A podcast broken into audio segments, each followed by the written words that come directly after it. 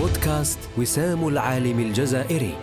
يستظل بشعار نعم للجزائر علماؤها. نقرأ لكم من الموسوعة التي عكفنا على إنجازها منذ أربع سنوات. وأسميناها خريطة العلم الجزائري. لعالم قدم وأنجز ومتعلم يبحث عن القدوة وبصيص النور. بودكاست وسام العالم الجزائري مرتين في الشهر أيام الأربعاء.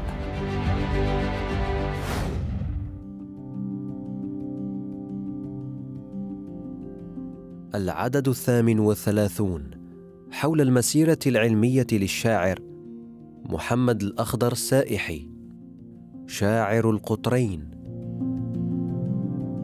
هو شاعر رقيق صاحب بديهة حاضرة ونكتة وطرفة لا تخلو من رسائل. عاصر شعراء عهد الاستعمار وشعراء ثورة التحرير وشعراء عهد الاستقلال.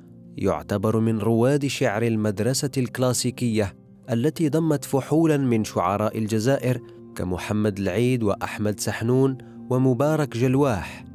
كتب في مواضيع شتى يومية اجتماعية ووطنية وهزلية طريفة إضافة إلى قصائد في وصف الطبيعة يصفه البعض برائد أدب الطفل في الجزائر بما أبدعه من أناشيد وأهازيج حفظناها في صغرنا ورافقت ذكرياتنا في كبرنا منها مدرستي حان الرحيل.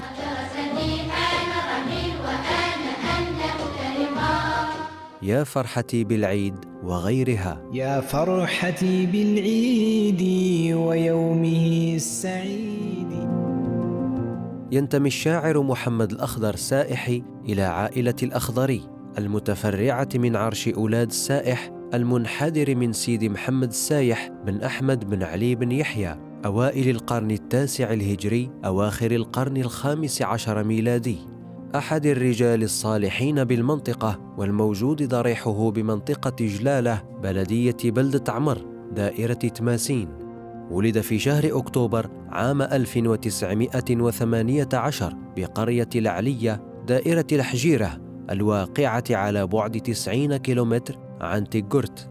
حفظ القرآن الكريم في التاسعة من عمره بمسقط رأسه على يد مشايخ في قريته. الشيخ محمد بن الزاوي والشيخ بالقاسم شتحونة وأجيز على حفظه سنة ثلاثين فأسندت له مهمة تعليم الصبيان بمسقط رأسه لمدة تجاوزت السنتين غير أن حبه للعلم دفعه للانتقال إلى مدينة القرارة في ولاية غرداية عام ثلاثة وثلاثين لينتسب إلى معهد الحياة للتتلمذ على يد الشيخ إبراهيم بيوض لمدة سنتين. حيث أتم مقرر الثلاث سنوات في سنة واحدة مما جعل الشيخ إبراهيم بيوض ينصح أباه بإرساله إلى جامعة الزيتونة فالتحق بعدها بجامعة الزيتونة في تونس سنة خمسة وثلاثين رغم الضائقة المالية وحالة أسرته الفقيرة بعدما باع والده بستان النخيل الذي كان مصدر استرزاقه. لم يكتف محمد الأخضر بالدراسة بل كان ينشط في الميدان الأدبي والمسرحي وإلى جانب الاهتمام بالدراسة كان يشارك في النشاط السياسي الاحتجاجي ضد الاستعمار الفرنسي في المغرب العربي حيث كان يكتب وينشر العديد من الأعمدة في الصحف كلفته غاليا باعتباره أحد رموز الحركة الوطنية في تونس في تلك الفترة. كما كان من الأعضاء المؤسسين في جمعية الطلبة الجزائريين الزيتونيين وكتب نشيدها ولما يتجاوز حينها عمره السابعة عشرة سنة. وبعد إنهاء مسار التعلم عاد إلى الوطن عام تسعة وثلاثين فألقي عليه القبض بتيغورت وسجن لأسابيع من قبل المستعمر. ولكن بتدخل شيخ الزاوية التيجانية أطلق سراحه وبقي قيد الإقامة الجبرية. ومع ذلك ظل معلما متخفيا فانضوى في نشاط جمعية العلماء سنة 52 مدرسا وذلك بعدما التقى بالشيخ عبد الحميد بن باديس في تونس وحمله أمانة بعض رجالات النضال في الجزائر فقام بجهد موازي ومكمل لجهد جمعية العلماء المسلمين وذلك بإنشاء عدة مدارس بين تماسين وتيغورت كمدرسة النجاح ومدرسة الفلاح بقرية تماسين ومارس التعليم لبعض الوقت بمدينة باتنة ثم انتقل إلى العاصمة. وبالإضافة إلى إنشاء المدارس وإيفاد عدد من الطلبة إلى تونس ومصر لطلب العلم قام بإنشاء جمعيات ثقافية ومسرحية على غرار جمعية الأمل للفن والتمثيل كما ساهم في تأسيس فوج الكشافة الإسلامية مع زميله الشهيد عظام محمد البحري وكان ناشطا فيها بهدف نشر الوعي وبعث الروح الوطنية والدفاع عن مقومات الشخصية الجزائرية من لغة ودين وتراث. التحق بالإذاعة عام 52 وعمل منتجا بالقطعة إلى جانب مزاولته مهنة التدريس في عدد من ثانويات العاصمة كثانوية القبة حسيب بن بوعلي حاليا ومدرسة السعادة بحي بالكور وابن خلدون والثعالبية ثم انقطع للإنتاج الإذاعي حتى الاستقلال. كان ضمن الأعضاء المؤسسين لاتحاد الكتاب الجزائريين سنة 64 ومن أعضاء اتحاد الكتاب العرب في دمشق منذ 81 وشغل أيضا منصب الأمين العام المساعد في الهيئة الثالثة إلى أن تقاعد في نوفمبر سنة 80 شارك في كل النشاطات الأدبية داخل الجزائر حيث كان أحد الوجوه الدائمة الحضور في الملتقيات الثقافية في الجزائر وحضر أغلب مؤتمرات اتحاد الكتاب العرب ومثل الجزائر في عدد من المهرجانات الثقافية الدولية ومهرجانات الشعر في كثير من العواصم العربية. نشر إنتاجه الأدبي في كثير من الجرائد والمجلات التونسية والجزائرية فسمي بشاعر القطرين. ونشر أيضا في جريدة الشباب في معهد الحياة عندما كان طالبا وبعد تخرجه في الزيتونة. ومن بين ما نشره عندما كان طالبا قصيدة أنادي من بني قطري رجالا وقصيدة إنما للعلم الضعيف سلاح وقصيدة شباب القرارة. ونشر مقالا يقارن فيه بين النظام التعليمي في معهد الشباب وجامع الزيتونة كما نشر في مجلات وجرائد أخرى على غرار البصائر المنار الثقافة البيان الكويتية. ومن مؤلفاته المطبوعة همسات وصرخات عام خمسة وستين جمر ورماد واحد وثمانين أناشيد النصر ثلاثة وثمانين. إسلاميات أربعة وثمانين بقايا وأوشال سبعة وثمانين الراعي وحكاية ثورة مسرحيتان شعريتان ثلاثة وثمانين الذي ضمن فيه أول كتاب له بعدما فقده.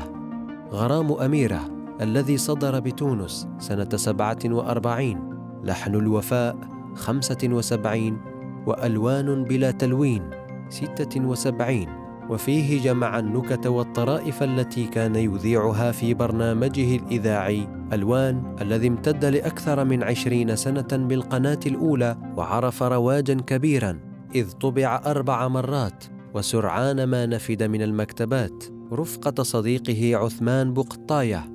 وديوان الأطفال مجموعة أناشيد للأطفال ثلاثة وثمانين وتشطير بردة الإمام البوصيري سنة ألفين.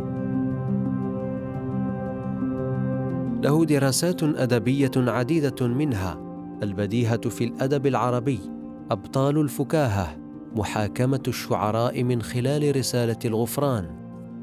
تقديرا لجهوده الأدبية في الشعر نظمت له وزارة الثقافة في مارس من هذه السنة 2022 تكريمات في عدد من الولايات. كما اقترحت اسمه للتكريم في المنظمة العربية للتربية والثقافة والعلوم في اليوم العربي للشعر 2022 الذي يصادف الواحد والعشرين من مارس من كل سنة. وقد عبرت المنظمة عن تقديرها بالقول إن اختيار الشاعر الراحل محمد الأخضر السائحي رحمه الله هو تقدير لواحد من الشعراء الجزائريين المعاصرين الذين سطع نجمهم في الساحة الأدبية العربية وعرفانا لرسالته تجاه قضايا الأمة وبناء الأجيال المشبعة بالقيم الوطنية والأخلاقية.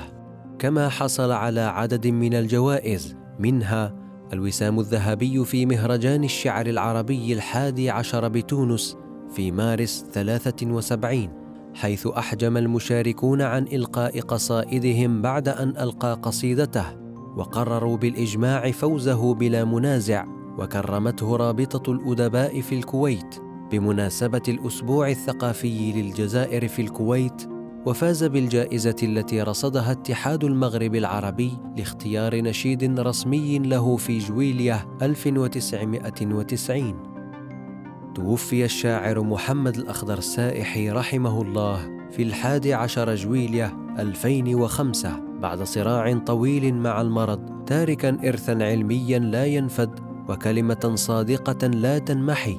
كيف لا؟ وقد غرسها في الناشئة بحب وإخلاص فرددوها في كل محفل واحتفال. ومن أبنائه الذين خدموا تراثه مناف السائحي مدير منشورات السائحي الذي ورث عن حب الأدب والتاريخ والمعرفة فكان سببا لولوجه عالم النشر في 2001 وقد توفي الابن في شهر أوت 2021 فرحم الله الوالد وما ولد. موعدنا بكم يتجدد في عدد جديد من بودكاست وسام العالم الجزائري مع تحيات قسم إنتاج المعرفة بمؤسسة وسام العالم الجزائري. نعم، للجزائر علماؤها.